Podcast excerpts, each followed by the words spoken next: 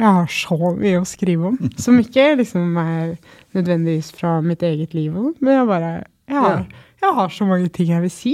Ja. Og så må man bare vente til de riktige tidspunktene kommer.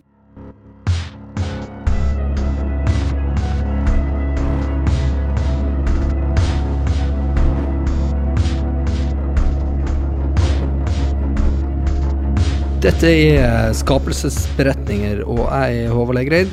Mitt navn er Eivind Riise Hauge. Og eh, dette er jo da en podkast som vi lager for eh, Bergen offentlige bibliotek. Og den handler om eh, hva da, Eivind? Den handler om kreativitet og kreative menneskers kreative virke. Ja. Det handler vel ikke bare om oss to, da? Unnskyld. Sånn som forrige episode, mener jeg. Det er riktig. Vi har uh, alltid med oss en gjest. Eller uh, faktisk ikke alltid, men som regel har vi med oss en gjest. Ja, i 13 av 14 tilfeller. Ja, det er ganske høy prosentandel. Ja, hvem er dagens gjest? Dagens gjest er Maria Navarro Skaranger, flydd inn helt fra Oslo. Oh. Uh, Maria er skjønnlitterær forfatter. Mhm. Debuterte i 2015 med den kritikerroste romanen 'Alle utlendinger har lukka gardiner'. Hun var bare 20 år når hun debuterte, og denne boken er senere blitt filmatisert. Ja. Eh, hun fulgte opp med en roman i 2018 som heter 'Bok om sorg'. Fortellingen om Nils i skogen. Og eh, var i 2021 ute med sin foreløpig siste bok, nemlig 'Emily Forever'. En bok som eh, bl.a. ble nominert til Kritikerprisen og har fått strålende kritikker. ja. Og Maria er her med oss i dag. Velkommen, Maria. Velkommen, Maria. Tusen takk. Veldig kjekt å ha deg her. Takk. Eh, kan bare si eh, innledningsvis at eh, Maria hun har, dette er ikke hennes første oppdrag i dag. skjønner du. Nei. Hun har nemlig vært eh, i, på Bergen offentlige biblioteks filial i Bergen fengsel tidligere i dag. Ja. Så en eh, skikkelig biblioteksturné. Ja. Så der har vi vært og hygget oss. Var det kjekt? Veldig, veldig, veldig fint. Veldig ja. interessert, eh, interessert publikum. Ja. Ja. Det er kjekt. Ja. Drukket svart, kruttsterk kaffe og kost oss med en eh, litterær samtale. Masse spørsmål Mm. og ja. Litt, var det kommentarer intimt publikum, eller var Ja, det var, litt var- eh, Ja, det var, det var De har litt eh, problemer med, med bemanningen, så vi var, kunne ikke være så mange. Nei. Så vi satt tett, og det var veldig fint. Og de engasjerte seg Ja. stort. Så det var Hadde de lest seg opp på forhånd? Flere hadde det. Ja. Mm. Ja. ja. De, var, de lånte med seg så mange fine bøker òg. Mm. Ja. ja. Da jeg kom dit, så sa jo dere at de fleste ser mest på film. Mm. Men eh, det var mange som lånte masse Ja. Lånte Linda Bostrøm, liksom. Ja, Det syns jeg var fint. Ja. Ja. ja. Vi gjorde det. Så det var det vi, vi, har, vi har kost oss, vi. Ja, det er jo en fin bru inn til det liksom første spørsmålet. Det er jo en eh, tre ting fra biblioteket som ikke må være ting. Dette Nei. var kanskje ikke en ting. Jo, det kan godt være en ting. Ja. At jeg har vært Dette er Ja. bibliotek nummer to. Ja. Ja. Hvordan syns du eh, fengselsbibliotek var? Det er jo ganske lite. Eh, men så syns jeg jo jeg, jeg liker jo de bibliotekene som ser ut som sånne kommunale bibliotek, og ikke sånn som Bjørvika, som er oh, ja. veldig åpent og Mm. Litt sånn rulletrapp Oslo City-style. Mm. Jeg syns det er fint med sånn én etasjer og Men det var jo et lite bibliotek, da. Ja. Ja, Og det var jo meg du- og bare gutta. Ja. Ja.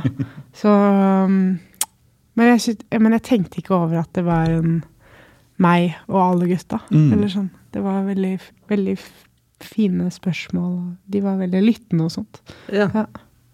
Men hvordan er et kommunalt bibliotek? Jeg mener ikke kom, sånn bibliotek som man er vokst opp med, Mm. eh, som man går til, som er liksom i Spredt utover byen, og ikke de store sentrumsbibliotekene, da. Ja. som eh, Jeg vet ikke. Før var det kanskje eh, bygget opp av flere rom og sånt, men nå er det sånne åpne løsninger og så hyller som står imellom og sånt. Men det er mindre bibliotek, da. Og så er det en liten barneavdeling og en voksenavdeling og en faglitteraturavdeling og noen filmer, og så er det noen steder å sitte og lese og Eller sitte Det er litt sånn oversiktlig. ja. Og, og ikke så travelt. Bjørvika i Oslo, i hvert fall, som er, er jo helt er enormt mye folk. Eh, og bøkene står i sånne buede bokhyller og sånt, så det ser jo på en måte ikke ut som et bibliotek. Men at det ser ut som det man tror Det man Ja, tenker ja. på når man tenker på bibliotek, det syns jeg er Ja. fint. Dette er jo et tema som du egentlig har uh, jobbet en del med. Ja, Biblioteksutvikling. Ja. ja veldig mye. ja. Så, eh, Ja, og det er jo en interessant perspektiv, liksom at uh, eh, Altså, det er jo en oppfatning av hva det eh, pleide å være. ja. Og så Jeg har jo jobba veldig mye med at det skal utvikle seg til å inneholde både det det har vært, men også på en måte hva vi håper at det kan bli. ja. Eh, og Bjørvika har jo vært eh, liksom seilt frem som det ypperste da, innenfor den der eh, cutting edge biblioteksutvikling. når, når du sa kommunalt, så tenkte jeg, jeg tenkte litt mer sånn estetikk enn de liksom eh, ordene du sa. Altså litt mer sånn, eh, sånn at det preg, altså det er jo noe som er litt sånn prega av et slags sånn offentlig Jeg vil ikke si forfall, da, men altså at det er en den er i eh, dårlige budsjetter da, ofte. Altså at det, det er noe som er blitt glemt litt for lenge, og at eh, det skulle vært liksom stramma opp litt, eller Ja. her kunne man gjort noe, fått litt nye møbler og litt eh, Det kunne man jo, men da er det jo liksom bokhyllene man er der for, da. Ja, ja. Men, eh, men eh, så apropos, eh, har ikke det der, det der biblioteket i, i Bodø, Ja. Stormen, ja. har ikke det vunnet noen priser og, og sånt? Nei, jeg lurer på om det har vunnet noen nasjonale priser. ja. Men Bjørvik har jo vunnet internasjonal. Ja, akkurat. Så det er jo mer stas, da, på en måte. Men det er jo interessant, for jeg husker jo når, når jeg ble tatt med på biblioteket som barne, Ja. så var det jo Det var jo Altså, du skulle være helt stille, Ja. og det var bokhyller. Ja. Eh, sant? Og, og eh, that's it. Men nå så Biblioteket har utviklet seg. sant? Eh, man, man gjør jo helt andre ting på biblioteket i dag enn man gjorde tidligere. Nå for eksempel, sitter vi her på Bergen offentlige bibliotek og lager podkast. ja. Um, så så, um, så, så den, den utviklingen Der har jo du har jo vært uh, en av disse motorene som uh, Så liksom i forhold til hva det, liksom, hva det liksom er blitt, og hva det kan bli, og, og, og uh, hva et bibliotek har vært Altså det er jo dette med å gå på biblioteket som barn Jeg husker jo de, det biblioteket jeg gikk på som barn. Det var jo Landås, ja. den filialen der. Og den eh, ligner vel fortsatt litt på det han gjorde for eh, mange år siden. Ja, vi har gjort noen grep på Landås også, da, men eh, eh, Landås ble jo en slags tidskapsel. Mm. Var veldig flott. Jeg har sett bilder fra originale interiøret. Eh, og det var jo veldig flott og, og godt eh, på en måte utforma, men så har, har litt sånn halvkveda på en måte visjoner blitt satt ut i livet. Og, øh, og det, liksom, det funger, fungerte ikke så veldig bra etter en god stund. Så det, det måtte liksom gjøres noe for å, å kunne gi f.eks. barn da, en, en eh, god plass i, i rommet. Og så er det, i areal litt for lite. Og så hadde, hadde det jo klare mangler i forhold til universell utforming, som er en ny Altså, det er jo i senere tid at det er blitt veldig At det er viktig. Eh, altså, man tenkte kanskje ikke så mye på det på 60-tallet. Eh, selv, om selv om folk satt jo i rullestol og kunne være dårlige til beins eller eh, alt mulig da også, eller eh, svaksynte eller Ja, det er jo mange ting oppi det, og det er jo mer aktuelt i dag. Så ny, det er jo også prisdrivende da, for nye biblioteker, det er jo at du må søke å overholde det, for det er jo en kommunal møteplass. Så det er jo en sånn ting at tidligere så var det jo kanskje et, eh, et eh, ja, en møteplass på den måten, men da var det jo også mangel på informasjon. Vi lever jo i en alder av informasjonsoverflod, og ikke av scarcity, da, eller altså en mangelsituasjon. Og da er det jo hvorfor skal folk komme sammen på, på et bibliotek når ikke lenger kanskje de titlene er nok? Altså det er ikke noe, de kan du skaffe deg på andre måter og til en rimelig eh, penger. Da. da må du jo kanskje ha noe annet. Hvis, hvis man ønsker at folk skal komme sammen i en by eller et lokalsamfunn, eller eh, sånne ting. Og jeg tror jo gjerne at et kulturhus ikke fyller den åpne arenaen da, som et bibliotek er. Mm. Kulturhus har mye eh, skarpere fokus. Selv om de også er veldig åpne, så er ikke det like åpent. altså bibliotek, For her krever vi ingenting. Nei. Du trenger egentlig heller ikke å lese ei bok. Eh, og det syns jeg er fint. Altså at, Ja. eh, at du får et sånn ikke-kommersielt eh, rom hvor det ikke stilles noe krav, men det er et ganske stort tilbud. Mm. Og så kan du gå av gresse, eller du kan bare sitte sammen med folk, da. Mm. Eller du kan finne deg tre ting. Ja. Og, Ja. eh, og eh, apropos det, så, så så jo jeg eh, at, at Maria har tatt med seg bøker. I hvert fall én bok. Å, en bok. Og jeg skal ikke si hva det andre er. for La oss holde litt på spenningen. Men du har tatt med deg en bok, ser jeg. Ja, siden det her var den første tingen, det om bibliotek, Ja. så blir den andre tingen også en ting om bibliotek, som jeg Ja. så da jeg gikk rundt i biblioteket nå. ja. Og det er at uh, at det er så mange som sitter på bibliotek, og så sitter de og ser på ulike ting på PC-ene sine. ja. Og så var det en dame som satt og så på noe på tysk Mm. på YouTube mens hun satt og strikket. Og jeg syns det så så utrolig fint. fint å gjøre det. Og at det kan være en sånn ting som man gjør på bibliotek. Ja. Eller sånn. Det syns jeg var skikkelig hyggelig. Se på tysk YouTube mens du strikker. Ja, Det er topp. eh, det syns jeg var Ja, det syns jeg var veldig hyggelig. ja. Så da um, var den ene Ja, den, jo, jeg kan ta den boka, da. Det var uh, en bok som heter Ja av Thomas Bernard.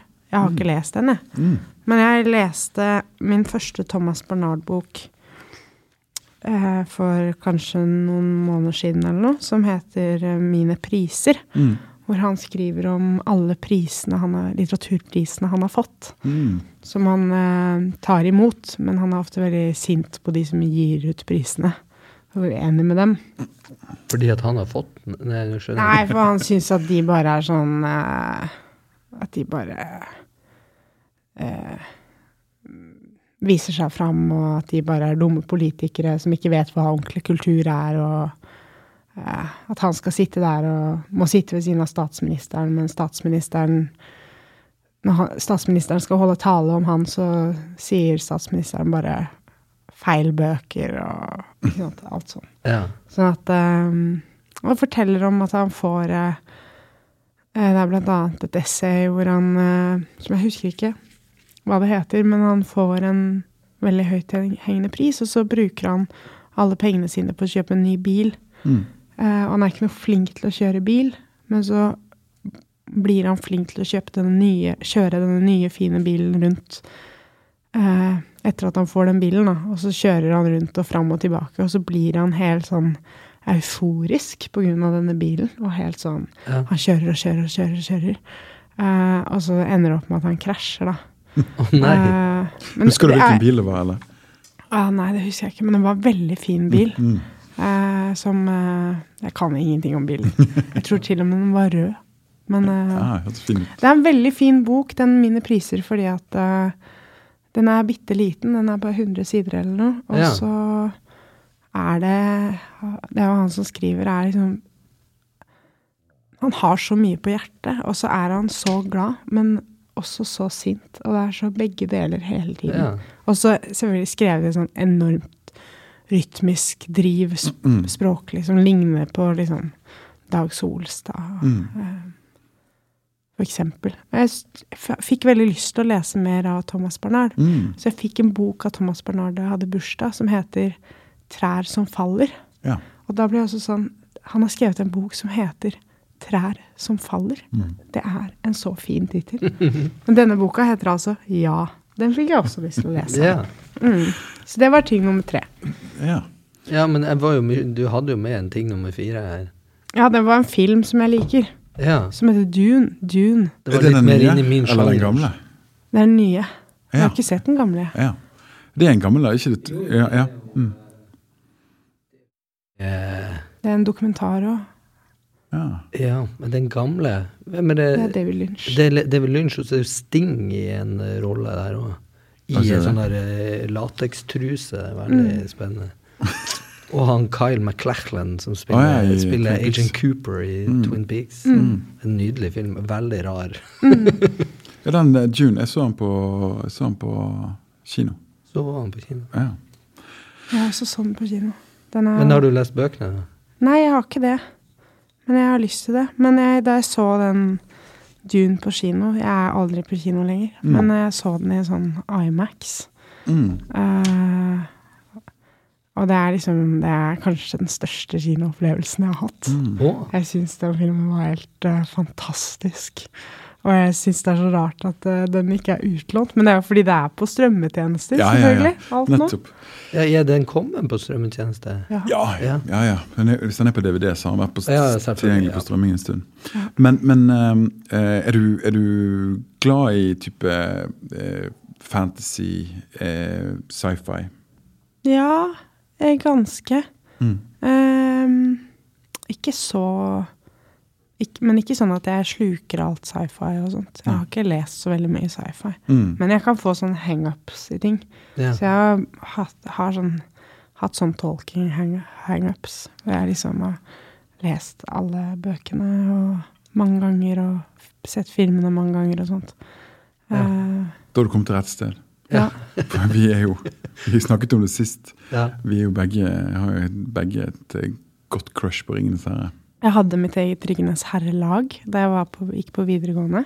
ja. Hvor vi lagde en sånn stor eh, Et sånt stort ark som vi limte på døra. Mm. Som var Hadde vi tegnet Moria-porten. Oh, ja. Og så gikk vi inn, og så satt vi i ring, og så snakket alle om eh, hvilke favorittkapitler i boka, eller favorittscener i filmene, og så spiste vi lembasbrød. oh, dette var hardcore Ja. nerding. Altså. Ja, Ma Ringnes herre-maraton på Colosseum og sånt. Ja, Sitte og se ja. hele natta. Det- Jeg skjønner deg så godt. Ja. Jeg skjønner deg så godt. Altså, jeg, jeg eh, Dette har jeg snakket om før, skal ikke Ja. si så veldig mye om det. Men jeg, eh, de, når, de kom, når første filmen kom på kino Ja. altså Jeg hadde jo i barndommen altså virkelig bare drømt om Tenk hvis dette kunne bli filmatisert, liksom. Ah. Og så bare selvfølgelig bare be til Gud om å ikke bli skuffet. liksom, Håper det er bra. liksom. Mm. Første filmen eh, så han på kino fem-seks ganger, tror jeg. Ja. Og eh, det var jo da 'Fellowship of the Ring', sant? Mm. som er jo enormt god. Ja, ja, er- er Kanongod. Men apropos det, nå kommer det jo en, en um, Serie. fra Ringenes herre-universet. Og jeg eh, registrerer at folk er skeptiske. ja, veldig, veldig skeptiske. Å? Ja, Den kommer i september. Ja. Det er, noe sånn, er det Amazon? Ja, det er Prime. Amazon. Amazon Prime.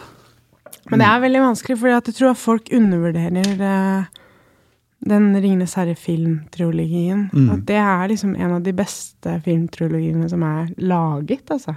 Og tenk liksom så mye Preaching for the choir. yes. Ja, og de, alt er ingen, Det er jo ikke digitalt, det er jo laga på film. Ja. Og så er alt det vi ser av liksom Minas Tirith og alt sånt, Mm. det har de bygga på ekte.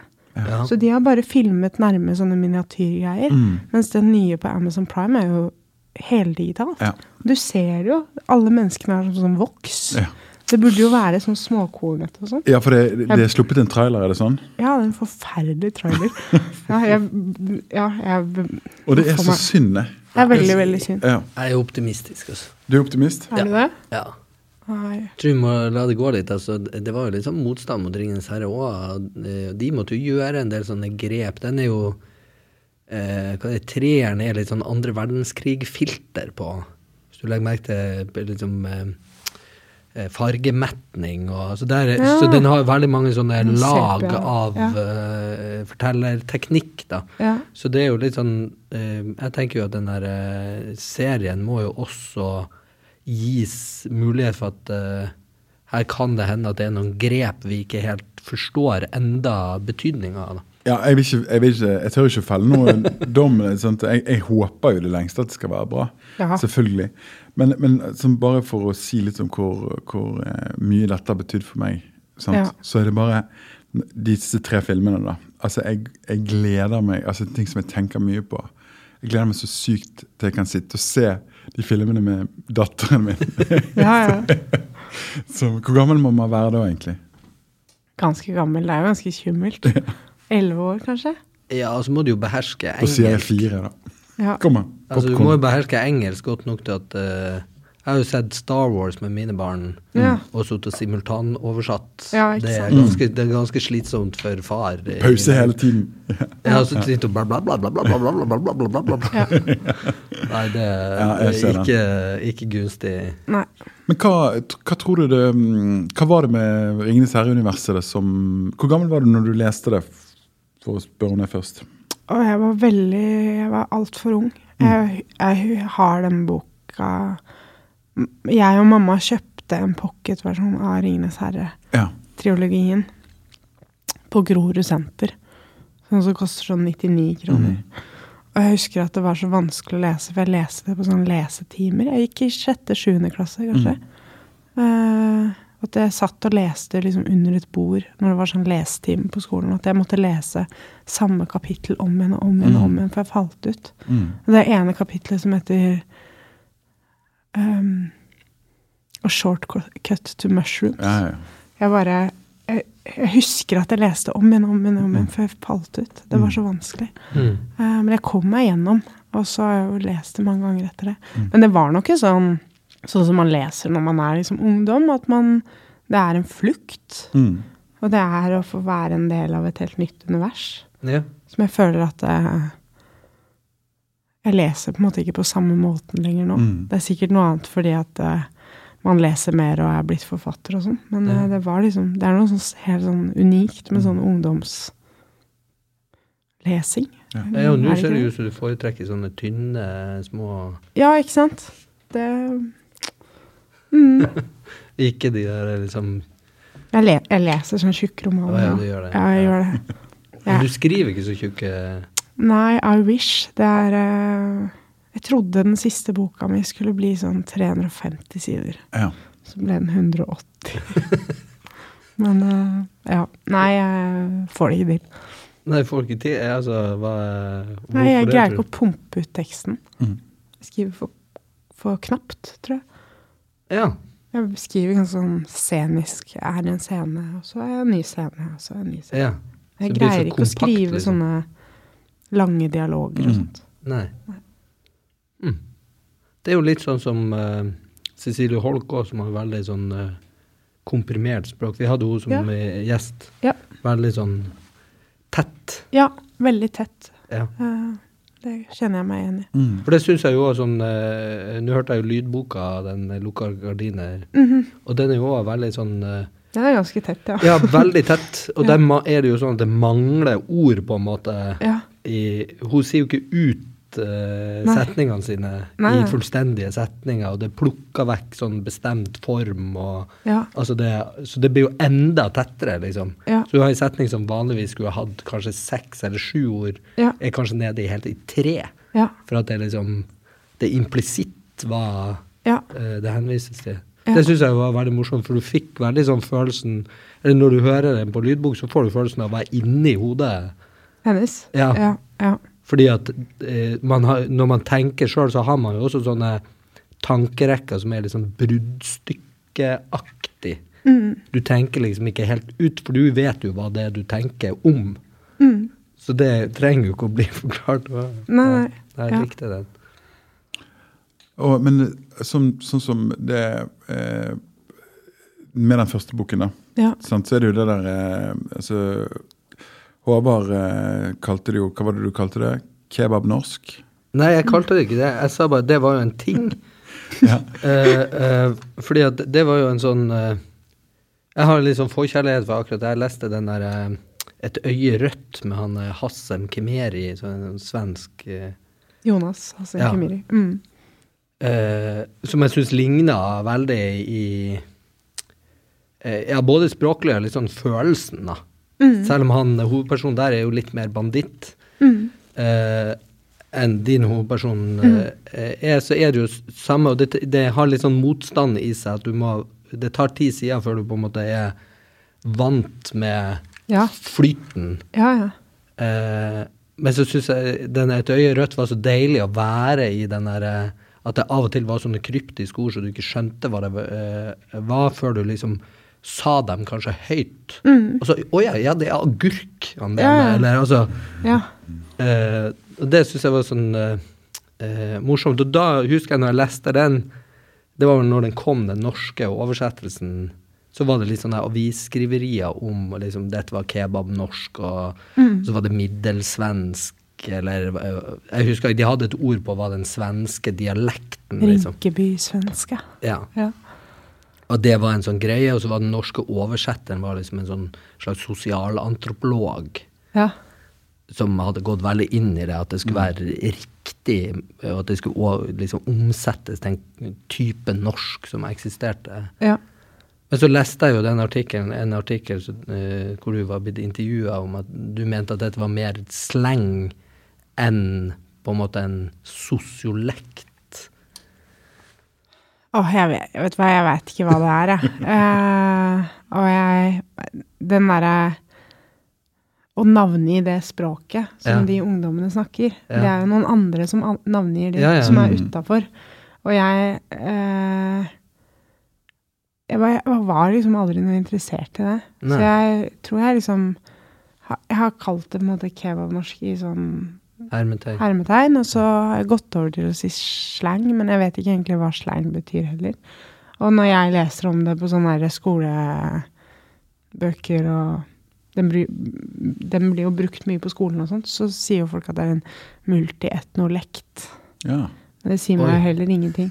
Det var Så- veldig akademisert. Ja, men det er jo Alle de begrepene er jo på en måte kommer jo, er jo akademia. Ja. Så det er jo Men jeg, jeg husker da jeg debuterte, så var, var det noen som var på God morgen Norge og skulle fortelle om at her kommer det en sånn ny bok som Ingen som har skrevet sånn her på norsk før.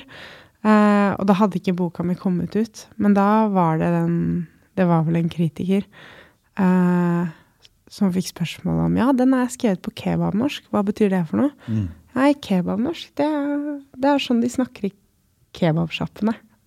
Det var liksom forklaringa. Bare der. Det Bare der. Så, så ja. Ja. Sterk, mild eller medium? Ja. Skal du ha saus? ja. Ja, ok. Jeg syns jo at jeg på en måte Jeg fikk jo litt mer sånn assosiasjoner Eller syns kanskje at det, det gøye er mer den språklige leken. Altså at det trenger ikke å altså Det kan være fiktivt. ja På en det syns jeg jo.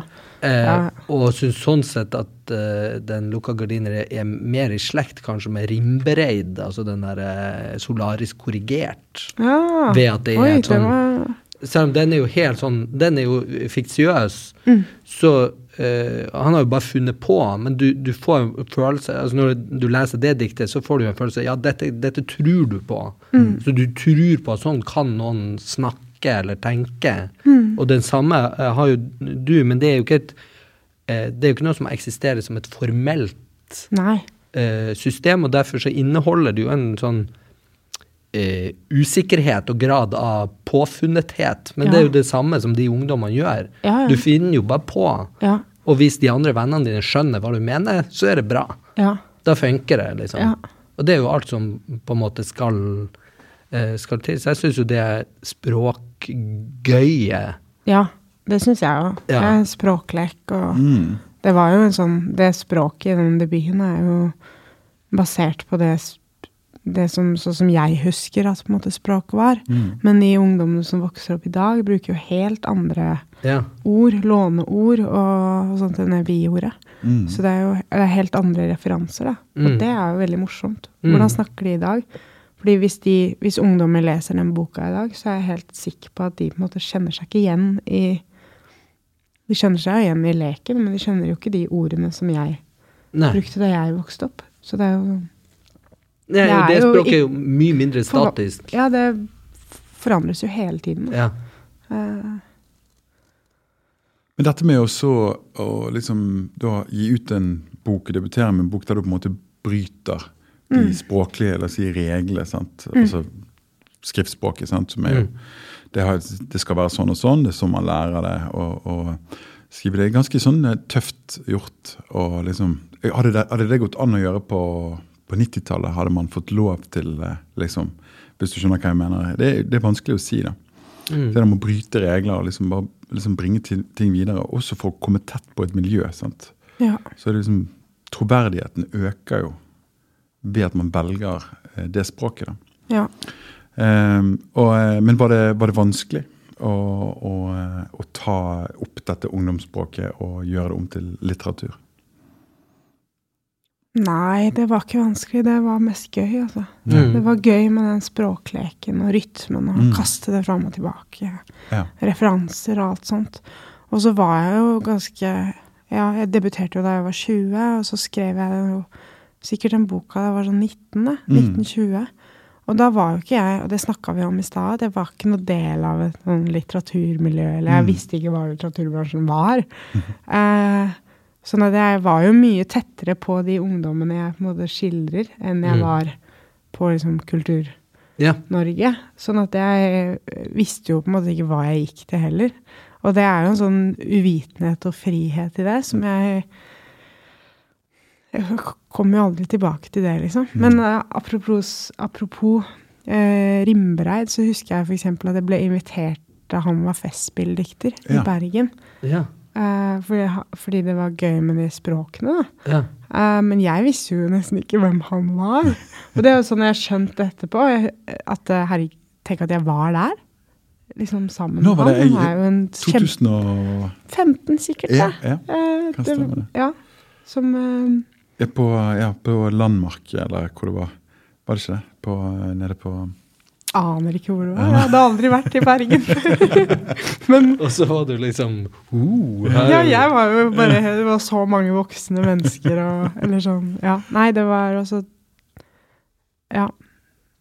Det var eh, Det har jeg i ettertid tenkt at eh, det var stort. Det skal jeg ta med meg. Jeg har til og med invitasjonen ennå i en sånn konvolutt. Tenk at jeg ble invitert dit. Hvordan kom det i stand med denne filmatiseringen av, av alle utlendinger har lukka gardiner? Eh, Det var et uh, filmselskap som kjøpte rettighetene. Mm. Og så har ikke jeg vært involvert i det manuset, eller i den filmen, i det hele tatt. Jeg ga det helt fra meg. Ja. Eller først ville jeg jo ikke gi det fra meg, for det var jo mitt. Ja. Eh, Men så ga jeg det til slutt fra meg. Og så jeg, så jeg filmen liksom sammen med skuespillerne. Så jeg har Ja. ikke vært inni det i det hele tatt. Ja, Hvordan føltes det? Eh, Det var veldig gøy og veldig fint, men det var, er jo heller ikke mitt, på en måte, Nei. føler jeg. Det er jo noen andre sin film. Mm. Eh, Det Det er rart. Ja. Men, men så Jeg ville jo ikke gi det fra meg først, da. Og så husker jeg at en av de agentene sa sånn Ja, men det er filmopsjoner blir jo solgt hele tiden, men de færreste, det færreste blir jo film. Ja. Det er nesten ikke noe som blir faktiske filmer. Men så ble det jo film, da. Det var jo kjempestort. det var skikkelig snik, han her agenten. Ja. Han var jo lur, da. Han fikk meg til å si ja. Ja, nei, det blir aldri film, det er jo bare å selge det. Gå ut. Ikke noe å tenke på. ja. Men så ble det jo lockdown, da. Etter Ja. at den hadde gått fire dager på kino, liksom. Oi, så den kom i 2020? Ja, den Ja. kom i mars, Ja. og så Perfekt timing. rett ned. Nei, ja. det er krise. Så Ja. Det var jo veldig trist for de, da. Ja. Dem, de som hadde laga den filmen. Vi har den på DVD i fengselet. Ja. Mange har sett den. ja. Mm. Som er morsomt, fordi at eh, det er jo en ungdomsfilm, og så skal alle de gutta i fengselet se på den. Ja, Men det, det er jo litt om han der broren som er i fengsel, da. ja men i, uh, i filmen så er han ikke i fengsel. Han er i han? Afghanistan. Ah. Mm. Såpass. Den ble Det gjort, liksom ble gjort litt lettere. ødelagt plott. Liksom. Eh, ja Gud, Nei, de har ikke det. Men det, det er jo en ungdomsfilm, og, og romanen er på en måte gitt ut som en voksenroman. Ja, men jeg syns jo at det bildet med at han eh, Den andre broren, da, som hun sier, liksom Ja. eh, Han er jo innesperra, mens hun gjør seg jo fri. At det var jo et, liksom et, oh, ja. et underliggende tema, tenkte jeg da. Ja, det har jeg aldri tenkt på. Det tenkte jeg var en sånn eh, Ja, det var en- fint sett. Ja, ok. Ja. Ja. Jeg kanskje jeg tolker for mye. Nei, nei, nei. Det er bra det når folk Ja, gjør det. jeg, jeg likte liksom det, det, det bildet, da. Mm. Og da, da tenker jeg Nei, da kan jo ikke han være i Afghanistan. Da er jo han på eventyr, eller altså Ja. eh, Da blir det jo en annen mening med det. For eh, den andre broren er jo fanga på en måte i hennes fantasi, eller Mm. Og hun strever jo med å tenke på at han ikke er der, og at hun vet hvor han er, men det gjør ikke lillebror. Og så Ja. Det er jo liksom hele eh, Ja. Dramaet, sånn som eh, jeg ser på det. Ja. Det var god lesning. Ja, sant? sant? Det er her du skal i Bergen. Du må til Bergen for å få god lesning. det her å få lest. Vi skal jo ikke drive med bokbad, da. Det er jo egentlig Du må, må til Bergen, få en fyr fra Tverlandet inn for å få For det real shit. Sånn kan det gå.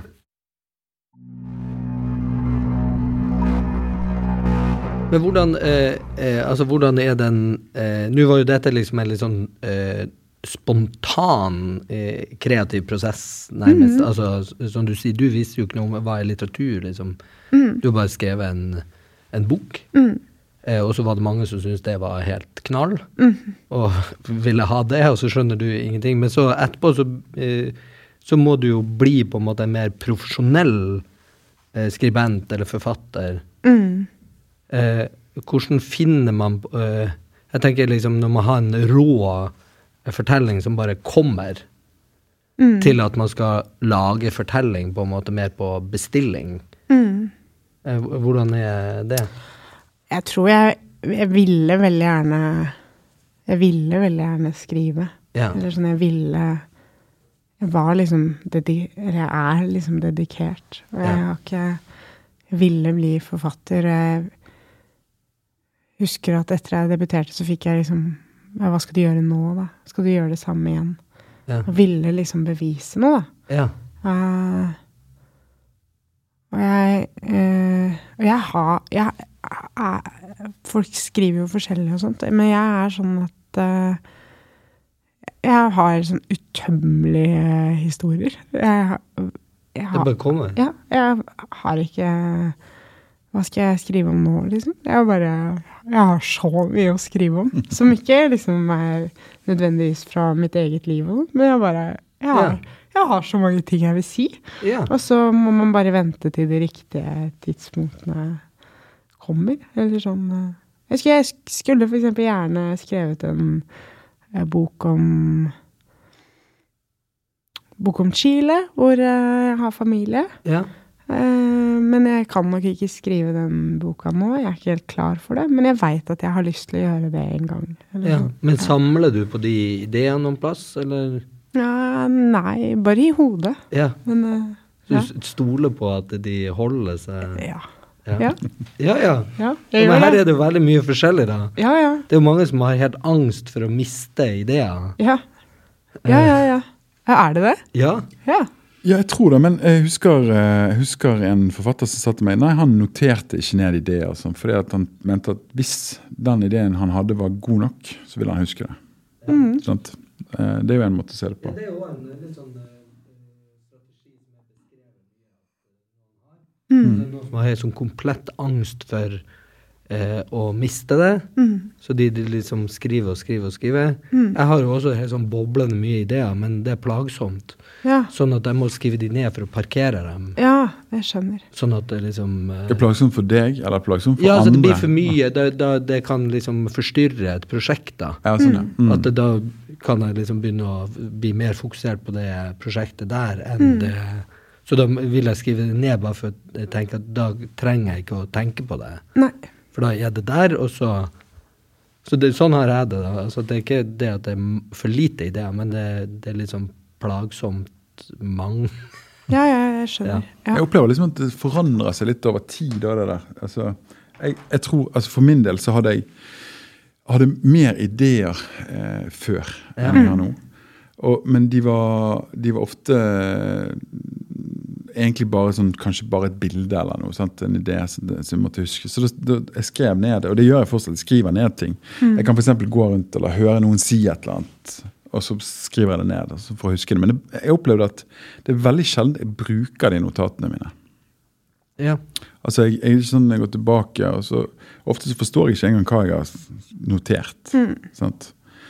Um, men men um, eh, jeg, jeg tror at Men før var det sånn våkne om natten og liksom skrive ned noe som, som plutselig kom over meg. sant? Mm. Men det, nå, nå, nå, nå prøver jeg heller å sove.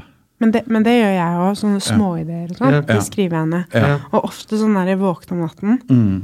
og så er du midt i et romanprosjekt, Mm. og så står det litt fast, og så våkner man om natten, og så har man løst det. Det skjer så ofte.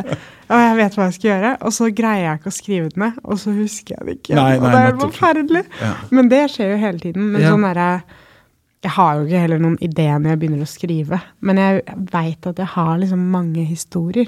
Mm. som Ja, ja, er men det er litt sånn med prosess, da. Ja, med sånne Ja. setninger og Ja.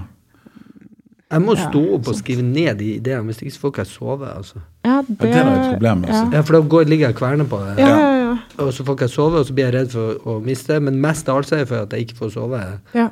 Så da bare står jeg opp og skriver ned, så da kan jeg liksom øh, Men nå har jeg skrevet ned, så nå trenger jeg ikke å tenke på det. ja. Mm. Ja, for roende. Men det å Ja. drømme en idé Altså Du drømmer at du har en idé, men du klarer, altså, dagen etter så klarer ikke du selvfølgelig å finne tilbake til hva det var. Mm. Det føles bare fabelaktig i drømmen. da. Ja. Men det er egentlig ingenting. Eh, Det har jeg opplevd, eh, det har jeg opplevd mange ganger. Ja, ja. Men det er jo noe med at, det er jo noe med at tankeprosessene Jeg tenker her at når du, gjerne når du er i dusjen, eller de der magiske minuttene fra du, når du våkner Mm. eh, om morgenen, eller du gjør, så gjør noe helt monotont, mm. dustegreier, Mm. da bare oi, så kan det liksom åpne seg Nå er det akkurat så hjernen trenger å være litt sløv Mm. for at du på en måte skal være skarp. Eller altså et eller annet sånn der eh, rart nå. At du Litt dum for å finne på de beste tingene. Ja. Ja. Men det er, der, det er derfor jeg, Ofte så skriver jeg bra når jeg Ja, for eksempel sånn derre flyplass Ja. Spise middag, kaféskriving. Mm. Sånn Ja. derre Nå skal jeg prøve å skrive litt mens jeg sitter og venter på dette flyet og er på Burger King, liksom. Mm. Burger King og McDonald's-skriving. Det Ja. å sitte der og liksom vente Du skal et eller annet sted, og så er det litt tidlig ute, eller et eller annet sånt. Ja. Da kan jeg få mye Da åpner det seg ofte. ja. Så du kan skrive, Betyr det at du kan skrive hvor som helst, egentlig? Det er ikke sånn at du er avhengig av for eksempel diverse ritualer, kaffekoppen må stå der sant? Nei, pulten må være jeg kan skrive hvor som helst, tror jeg. Ja. Men eh, ja, fordi min eh, Det stopper for meg når jeg begynner å tenke at jeg på en måte skal på jobb. At jeg har på en måte hatt kontor og sånt, og så går jeg hjemmefra til kontoret og så tenker jeg nå skal jeg på jobb. Mm. Og så tar det 45 minutter å komme til jobben, og så har jeg med meg termos, og så skal jeg skrive, og så kommer jeg dit, og da er jeg liksom på arbeid. Mm. Og da får jeg ikke gjort noen ting. Mm. Uh, og jeg skriver nok best også hjemme fordi det er liksom privat. Det er bare meg. ja. Det er personlig. Man kan sitte i hva man vil og skrive. Og gjøre hva man vil. Ja. Og folk driver jo med så mye rart og sånn. Men det er kanskje litt det samme som McDonald's. Da, at det er litt sånn sløvt eller et Ja. eller annet sånn Jeg veit ikke. Jeg jobber nok best hjemme, ja. Ja. Men har- har du for eksempel eh, Hører du på musikk mens du skriver? Sånne ting. Det varierer eh, Jeg kan ikke høre på all musikk, men jeg kan henge meg opp i noe musikk som jeg hører på. Jeg har for eksempel sånn Jeg kan høre veldig mye på liksom, latin trap og regaton når jeg skriver. Ja. Oh, ja. Fordi Jeg kan også skrive til sånne skikkelig sånn popsvisker. Mm. Fordi det er så store følelser Ja. som liksom tilgjengeliggjøres, som hjelper for skrivinga. Eller Mm. jeg veit ikke hva det er. Mm. Men jeg kan ikke høre på sånn Jeg kan ikke høre på Radiohead og skrive, liksom. Nei. Det går ikke an. Nei, ok. Det er, ja. Nei, det er for krevende. Ja, det er for krevende. Ja. Ja. ja. Så det må være på en måte litt Litt På en måte litt lett. ja. Ja. ja. Ja, det syns jeg. Jeg syns liksom at uh, å tegne til vokalbasert musikk, det er bare å glemme. Ja. For da begynner jeg å lytte på ordene, liksom. Ja. Mm. Det kan godt være sånn elektronisk som har bare samme tingen de sier om og om igjen. Det er helt topp. Ja. For da hører du én gang, og så vet du at det, det er det samme. De, de har ikke, det er ikke noe budskap, det er Let's Dance, liksom, eller, Ja. eller et eller annet. ja. ja, ja, men du, ja, men du trenger ikke å liksom For jeg syns at vokalmusikk, det, det, det krever noe altså Det er jo liksom lyrisk, eller altså det har en eller annen Mm. Da er det det som er budskapet i musikken. Mm. Mens når det er bare musikk Du liker jo ikke sånn bakgrunnsmusikk. Forferdelig stygt sagt. Nei, det har du sagt til meg. Bakgrunnsmusikk, nei. Ja. nei. Det liker jeg ikke. Nei, Altså, jeg liker jo det. Heismusikk, liksom. Ja, ja, eller sånne ting som du taffel, liksom. Ja, ja, men det liker ikke jeg heller. Ja, det syns jeg er topp. Men eh, ja. Nei, altså, nei jeg, har, jeg har hørt eh, mye altså, Men jeg gjør det ikke lenger. Men jeg gjorde det før. Da kunne jeg altså, headset på full, full blast liksom, på ørene. Ja. Og så og høre på ting mens jeg skrev. Men det tror jeg var fordi at jeg du hørte på ting som jeg syntes var skikkelig bra. Mm. det tror jeg på en måte at jeg jaktet den stemningen i altså det, Den følelsen den musikken ga meg. Den jaktet jeg på for å på en eller annen måte, finne en eller annen måte å la den kunne bli litteratur, la den kunne bli tekst. da. Det var liksom en slags ambisjon, da. Eh, men det ble, jo, det ble jo ikke sånn. Men det var Det kunne gi meg liksom masse drive og glede. En låt på repeat, eksempel. ja men om det, om det er sånn jeg kan uh, gjøre. Ja. Men problemet er at det varer på en måte i den ene sangen, og så glemmer jeg det. Ja. Så da blir det stille. ja Så det er et eller annet sånn som at det sklir ut. Ja. Men, Ja. eh, men det kan ikke være Det må på en måte være Det må på en måte være listepop. av Ja. Et eller annet sånn uh, Ja. Det må være sånn Gonna walk into this club, og så blir jeg sånn yes, og så begynner jeg å skrive, og så glemmer jeg det. Men Ja, eh, ja. ja. Ja, Mest sannsynlig skriver jeg jo ikke noe når jeg, den sangen er i, når jeg bare sitter der sånn. Men eh, ja, det er et eller annet med å komme inn i et modus eller Ja. noe sånt. Ja. Men du gjør ikke noe annet for den modusen? Nei, jeg gjør ikke noe annet. Nei. Jeg sitter, sitter på en stol. Eh, jeg leser eh, også lite i perioder hvor jeg skriver. Som jeg ganske kan føle at jeg leser ingenting, liksom. Ja. Men er det fordi er det, Har det noe med å være redd for at liksom, man skal ta for mye fra fra det man leser, altså ikke altså, ta stemninger og sånn, at man blir for påvirket, eller er det bare fordi du har ikke plass til det liksom, når du jobber? Jeg har ikke plass til det. Jeg har dårlig konsentrasjon, og jeg tenker liksom bare på min egen tekst. Ja, ja. Men jeg har ikke noe problem med at jeg liksom blir veldig påvirket av Nei. eh, Jeg har noen bøker som jeg på en måte har en sånn konstant dialog med. Mm. Som jeg leser om igjen og om igjen og om igjen. og om igjen. ja. Ja. Som uh, De bare er der alltid, da. Men uh, i større eller mindre grad. Mm. Eh, jeg, jeg leser f.eks. i 'Kjølevannet' av Per Petterson. Mm. Leser jeg ganske jevnlig, tror jeg. Mm. Um, men jeg blir på en måte ikke noe påvirket av den. tror Nei. jeg. Men jeg har kanskje andre jeg blir mer påvirket av. Det har jeg nok. Ja. Men, uh, men jeg, ja. i perioder hvor jeg skriver, så er det vanskelig i hvert fall å lese noe nytt. Ja. Det blir veldig Ja. plikt. Mm. Ja. Men du har ikke noe sånn analytisk forhold til liksom uh, eh, At du vil gjøre det som den forfatteren, altså at du aktivt liksom du kombinerer virkemidler derfra og derfra og prøver å lage en ny ting ut av det. det bare- Jo, ja. jo, det gjør jeg. jeg. Jeg går i dialog med andre forfattere, på en måte. Ja. Føler jeg at jeg uh, I den debuten, for eksempel, så er det jo masse referanser til Kemiri sin Et Ja. øye rødt.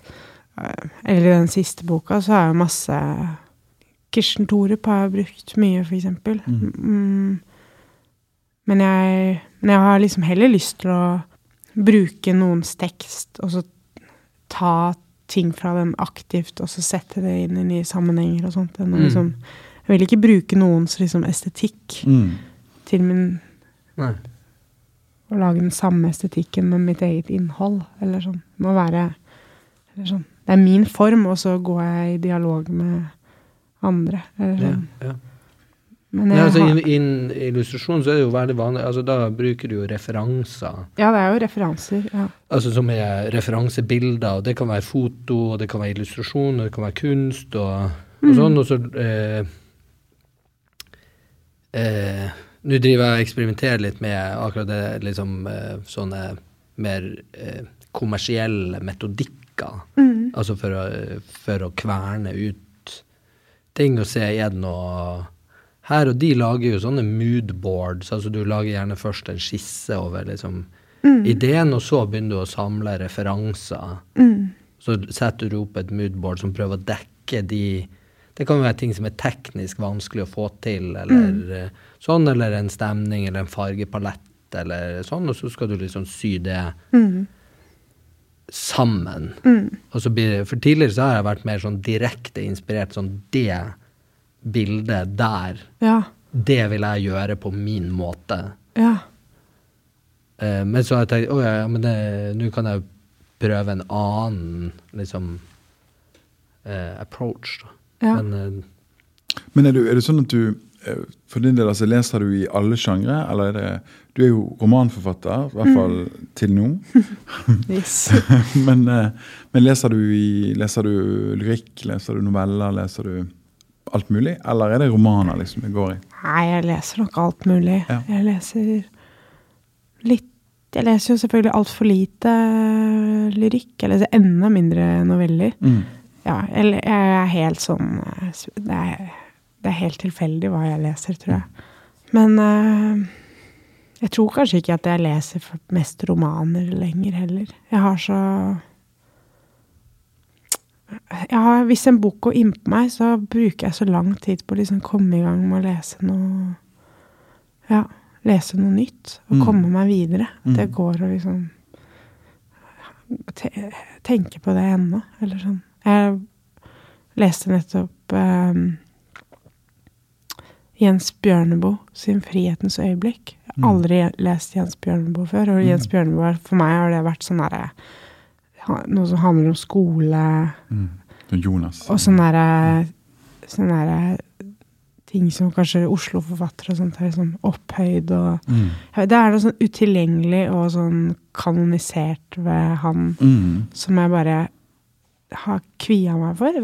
Men så Og så syns jeg at den der frihetens historie synes jeg er veldig, veldig delt. Er, jeg skjønner ikke Først da jeg begynte å lese, tenkte jeg sånn Er dette tull? Er det liksom polemikk, eller hva? Men, eh, men så Men jeg, ja, jeg har Den gikk helt utrolig inn på meg, den boka. Jeg tenker på den ennå. Og det da er det sånn derre en setning som er sånn eh, Verden består av stjerner og ekskrementer. Og jeg har så lyst til å bruke den setningen, eksempel. Jeg syns det var så fint sagt. Ja.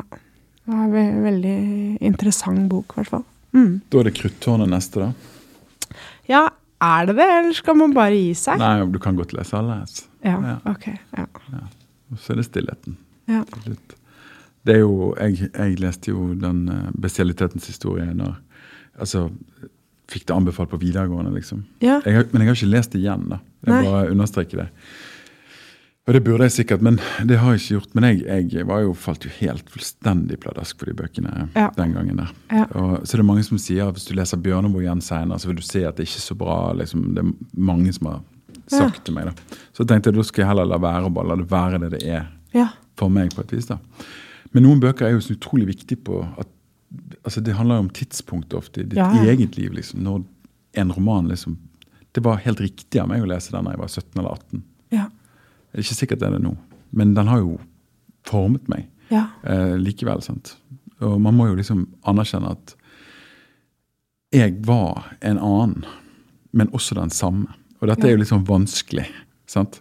Men det er noe med, det er noe med øyeblikkene og, og, og, og hvordan For min del som er helt sikker på at de bøkene jeg har lest, altså som har betydd noe, som har vært heldige og blitt lest på riktig tidspunkt, sånn at de er en, en helt integrert del av den jeg er nå. da. Som er jo en helt fantastisk Nei, bøken var ikke Nei, men skjønner dere hva jeg mener? Ja, ja, sant? det er liksom helt, helt avgjørende. Men det er også platene jeg har eh, lyttet til, og, og filmene jeg har sett. Og Bare 'Ringenes herre', for eksempel. Uten 'Ringenes herre', hvis jeg ikke hadde lest den da jeg leste det, ville ikke vært den samme. Nei. Og det er jo på godt og vondt. Ja, ja, altså jeg tenker jo at det er eh, Når det gjelder sånn altså kulturkonsum, da, eller eh, sånn, så tenker jeg jo at man skal aldri liksom skamme seg over eh, eventuelle Jeg er litt sånn mot guilty pleasure. For jeg tenker at Det er bare pleasure. Ja, men det er bare Ja. pleasure. Liksom. ja, det er det. Eh, hvorfor skal du Ja, det det, det at du, må anerkjenne at eh, du, er jo fortsatt, du er jo forskjellig, men du er jo fortsatt eh, den samme, og du kan mane frem en tidligere versjon av deg sjøl, muligens. Mm. Og det må jo være helt eh, Det har ikke mye lyst til. altså. Jo, men det var jo helt tipp topp. Jeg syns jo fortsatt liksom at eh, at eh, det norske humormagasinet Pyton er helt eh, knall, liksom. Har du lest Pyton, eh, Maria? Nei, jeg vet ikke hva det er engang. Nei, det var sånn en slags norsk versjon av Mad. Oh, ja. Eh, bare kanskje mer smakløst. Ja, Vulgært som bare Ja, ja. vulgært som bare det. Men jeg mener for, for, fortsatt at det var eh, Og jeg fant de i noen av mine blader på loftet hos min far. Da fant du mye rart, tenker jeg. I sommer, ja, der fant jeg mye rart. Eh, men så tenkte jeg ja, men det jeg, synes, jeg trenger ikke å lese det, men jeg så på et par liksom, omslag og noen striper, og så tenkte jeg det er jo helt knall. Dette Ja, var det? ja. det Jeg var leste- jeg en leste- massiv inspirasjon i sin tid. Ja. ja. Ja, ja. Ja. Jeg leste Iskalde grøss, husker jeg. ja. Det var Det var en, også en- slags eh, vet, vet hva, skal vi kalle det? En slags eh, det er en horrortegneserie. Ja, det er jo en egen sjanger. Horror, eh, amerikansk horrortegneserie. Ja. Ja. Jævlig sånn morbide greier. Ja. Men de var ofte litt sånn ganske flott tegna. De Ja, jeg så, syns det. Jeg syns det, eh, ja. det var en sånn ganske stor sjanger. Leser du tegneserier, eh, Maria? Nei, jeg gjør ikke det, altså. Eh, Det må du gjøre. Ja, nei, jeg gjør ikke det. Nei, Det hender jeg plukker opp en og annen tegneserie fra liksom noe om Prendo Press, men ja. nei, dessverre. Men i alle fall, bare også det, siste boken din Mm. eh, kom i fjor. Mm. Har fått eh, fabelaktige kritikker og, og nominerte nominert til Kritikerprisen. Og, eh, og det eh, er jo en, en, en roman som Altså, det er også for så vidt også med den andre boken din, men her, dette, dette språket som da du debuterte med, Ja. det har du da forlatt. Sånn, apropos det du sa tidligere, at liksom eh, Skal du skrive den samme boken om igjen nå, liksom? sant? Mm. Men det har du ikke gjort. Du har jo på en måte forlatt den slengen der. sant? eh, hvordan har den eh, liksom, overgangen vært? Har det gått liksom av seg sjøl? Har, har det liksom vært et arbeid? Ja, nå, nå er jeg nødt til å Nå jeg, mener jeg at nå må jeg, nå må jeg skrive liksom, i et annet språk. Har det vært en, en naturlig omstilling og bare skjedd, eller har det vært noe liksom bevisst? Nå skal jeg Jeg føler liksom at uh, hver, for hver bok så har jeg et nytt språk som Mm. er akkurat for den boka. mm. Og jeg hadde det i debuten, og det var et helt annet språk i bok nummer to. Og i bok nummer tre nå, 'Emily Forever', så har jeg plutselig på en måte skrevet i tredje person med en forteller som er helt Som man ikke veit hvem er, og som betrakter hovedpersonen, Mm. og som egentlig heller ikke har noe språk for å kunne se henne, da, Mm. og både beskrive henne, men som er en forteller som på en måte er ikke, ikke lærd og ikke akademisk, og, men som som vil hovedpersonen veldig vel. Vel. Mm. Han, den fortelleren vil henne vel, men som også er liksom preget av fordommer og sånt. Som er Jeg har tenkt på forteller som en sånn greie Det er også en sånn skoleting. Mm. Som er liksom autoralforteller og personalforteller og Jeg husker vi hadde om liksom fortellere på litteraturvitenskap, og da var det liksom Virginia Woolf og Kafka og eh, avstand og liksom her er den uforutsigbare, her er Mm. Hvem er det som ser dette, egentlig, og sånt. Men så Jeg har bare tenkt sånn Jeg har ikke kontroll på denne fortelleren. Kan fortelleren se dette nå? Er det greit at fortelleren Mm, mm. er så nærme henne nå? Eller så langt unna henne? Har henne så på avstand nå? Eh, ja, hvorfor ikke? Ja, eller, hvorfor? sånn, Ja, jeg er så enig. eller sånn Ja, det har vært en sånn fri, fri Ja, bare greie. drit i de der eh, reglene, liksom. Ja. Bare, altså Hvis det er det som Hvis man merker, altså man begynner å skrive på dette, og så merker man ja, det, det, det, slik er min forteller. ja. Så er din forteller Ja. sånn. Og det er jo et veldig vellykket grep, og ganske originalt grep også. Ja, men det, Nettopp fordi det bryter noen regler, liksom. Ja, takk. Det men det er veldig rart å liksom jeg, Det et, et grep. Jeg, jeg bare Jeg har liksom bare skrevet. Ja, Og jeg, det er veldig rart òg, fordi jeg har ikke tenkt så veldig mye på den fortelleren når jeg har skrevet. Eller sånn. Mm. Uh, jeg har ikke tenkt at liksom kanskje denne boka nå blir liksom lest som sånn her fortellergrepbok Ja, på skoler. det er jo litt skummelt. Se, dette kan du også gjøre, liksom. Det, ja. Det var ikke det vi sa til deg, men du kan Ja, bestille men det er jo det interessante med at liksom det akademiske plutselig plumper inn i, eller buse inn i kunsten. ja. Så er det jo De er jo alltid for seine, sant? Ja, og de er jo, hvis jeg skal være veldig litt sånn slem, så er det jo liksom eh, Disse kunne kanskje ikke ha produsert det sjøl. Og så er du etterpåklok, eh, og så skal du liksom opphøye ting som kanskje ikke er det. Men så blir det igjen at, dem, eh, at mye akademikere behersker på en måte kritikkens form. Så setter det seg, og det er litt sånn urettferdig av og til mot eh, verket. Fordi at eh, Ja, men det var jo ikke dette, det var jo ikke viktig for eh, den som produserte det, eller eh, for verket. Altså det er jo sånn eh, David Hockney, som er britisk kunstmaler, han tok jo et oppgjør med kunsthistorien. For han mente at det var feil. Altså at masse av de analysene som er gjort kunsthistorisk, at de er galt fordi at kunsthistorikerne kan ikke male. Så de forstår ikke hva eh, som er for, blant annet en del forutsetninger for å male. Så satte han seg fore å prøve ut en del sånne renessanseteknikker og sånn, altså for å, for å se, siden han kan jo male. Og så se om har dette er det noe sammenheng med, med hvordan ting ble, i forhold til hvordan du gjorde det. Og det er jo åpenbart at det er sånn, men eh, så han har blant annet et sånn eksempel hvor det er mye, en del sånn eh, sen renessansekunst hvor, hvor folk sitter i vinduer. da. Det er et vanlig motiv.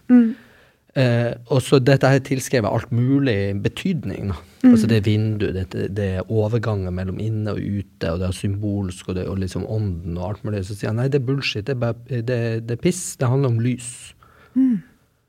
Eh, og at uh, ofte så er vindusmotiver de er malt innendørs, hvor uh, motivet sitter utendørs. Og altså, du har bare vrengt vinduet, og så står maleren på innsida og egentlig bruker en form for projisering, en lysprojeksjon, for å, for å hjelpe eh, avbildninga. Og det er mye mer Og det er jo en minst like sannsynlig fortelling, da om tilblivelsen av eh, verket. Men dette kan jo Det er vanskelig for en ikke-maler å forstå at hvordan lyset slipper inn i maleriet, er mer avgjørende enn eh, selve motivvalget. Ja. Forresten en eh, god romantittel. Det handler om lys. Ja. Der er jo den. Ja, det er jo Vær så god. Jeg bare detter ut av deg, Håvard. Helt uten videre. Men, det, Eh. men det, er, bare, det, er, det er interessant, og det er ikke feil å snakke om den fortelleren i min Nei, nei. Det er jo et grep og sånt. Det er bare, for, I sk- skrivinga så har det vært en sånn organisk Ja, greie. Ja, In, noe in, intuisjon, liksom. Og det merker man jo når Altså- man skriver, når det er organisk. Sant? Når, Ja. dette, når det ene altså, når den, den ene setningen følger den andre ut, altså relativt Ja, effortless. ja. ja. Og da har man taket på fortelleren. Sant? Man, man, man, man, man, man Altså, den fortelleren bare den blir til. Og den stiller de spørsmålene som den gjør. Og det er liksom ikke noe som man stiller noen spørsmål ved. Og i min lesning av Emily Forever så er det jo nettopp det.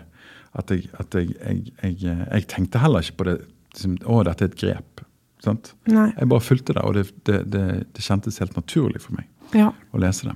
Men når du skriver så intuitivt, da, eller eh, prosess så Du bare Ja.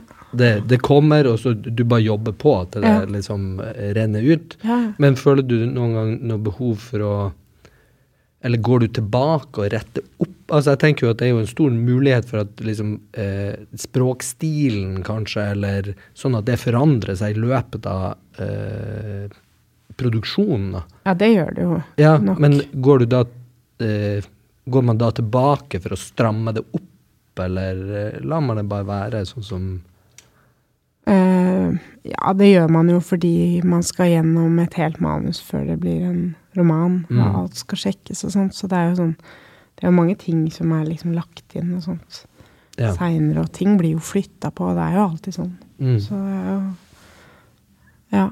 Men det er mange som sier at i Emily så blir den fortelleren mer og mer utålmodig med henne jo Mm. lenger ut i boka man kommer.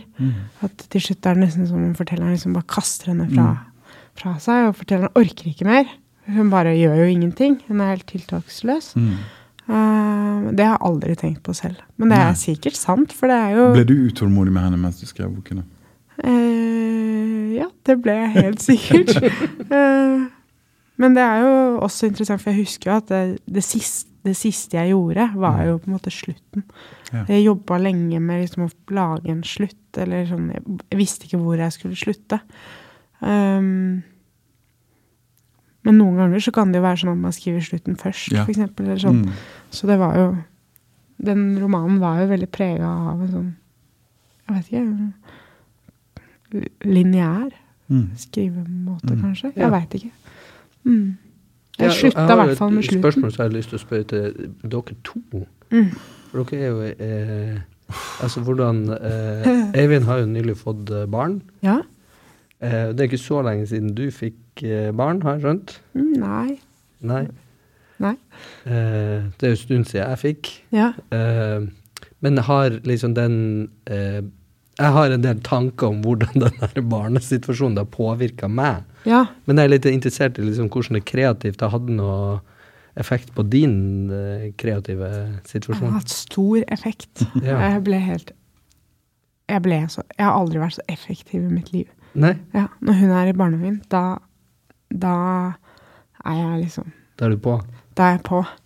Og jeg, før så var det sånn jeg skrev liksom Kunne gå en uke mellom skriving og en uke mellom jobb og sånt. Og jeg så på, masse på TV midt på dagen og gjorde andre ting og sånt. Men nå er jeg liksom Jeg har bare de timene til, arv, til jobb, da. Om det er skriving eller annen jobb. eh, Når hun er i barnehagen. Og da og Jeg får ikke gjort det når hun kommer hjem. Og jeg orker ikke å gjøre det på kvelden. Jeg er helt skutt på kvelden, jeg. Eh, Så du sitter jo og jobber på kvelden. Ja, altså eh, i, alle fall, eh, I alle fall av og til. Men nå er dette såpass ferskt eh, for mitt vedkommende Ja. foreløpig. Men jeg har, jeg har produsert en del etter hun ble født. da. Mm. Eh, det har jeg. Så, eh, så, eh, men hvordan det blir fremover med rutiner, og hvordan man skal legge det opp Jeg har ikke helt liksom konkludert, men du må liksom Men det som i hvert fall er helt sikkert, og det har jeg opplevd mange andre, ved mange andre anledninger i livet også, er at i det øyeblikket du vet at du har Nå er det denne tiden du har, resten av dagen, den har du ikke. Ja. Altså Når du er veldig presset, så blir du mer effektiv. Det er i hvert fall eh, Ja. Og det blir ikke noe dårligere eh, i, min, i min erfaring. Så, men eh, jeg må bare si at eh, Maria skal jo rekke et fly. Ja. Eh, Ja, er vi der? Og kan jeg si en ting til Ja, det var om det det jeg med tenkte. tidspress? ja. Det er også når man jobber med et manus, Mm. et tekstmanus, og så de siste dagene før den skal, Mm. det skal i trykken, de siste dagene før man skal sende fra seg, så skjer det alltid helt sånn Det skjer så mye. Og det, men det er jo ikke dårlig ofte. Nei. Det bare er at man er så på, tror jeg. Ja, Jeg ja, veit ikke. Og en ting som jeg også opplever med tidspress, når, når ting er i trykken, da ser i hvert fall i min historie, så ser, og nå, da ser jeg med en gang helt når, da, Jeg var blind før det gikk i trykken. Jeg leste så mange ganger. Ja, ja. I det øyeblikket det er ute av mine hender, så er jeg ekstremt sånn klar i, klar i blikket. Og ser jeg alt som Ja. hjernen skulle Ja, ha ja, ja. fiksa på. Men det er jo selvfølgelig ikke sant. da. Så det er jo på en måte også en illusjon, det der. Du Ja. er bare liksom stressa. Ja, du, jeg tenker jeg har jo jobba med grafisk design en del, da. og vet at når du har trykt send, så er det helt avgjørende hvilken feil er det du finner. Ja.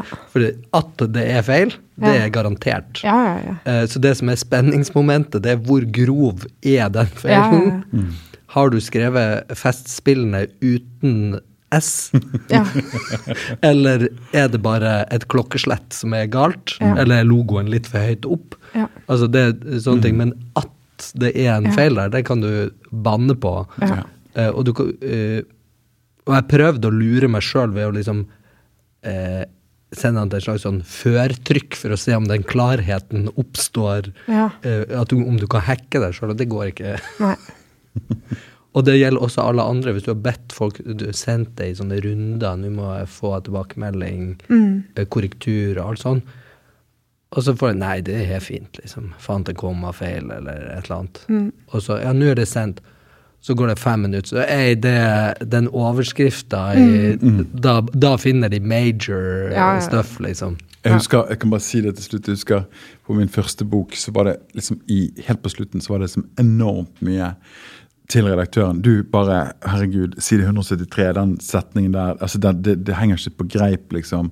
Mm. Fikse det. Det var liksom, jeg kunne ikke gjøre endringer lenger i manus sjøl, så redaktøren måtte gjøre det i det brukne dokumentet. da. Eller ombrukte dokumentet. Ombrekte.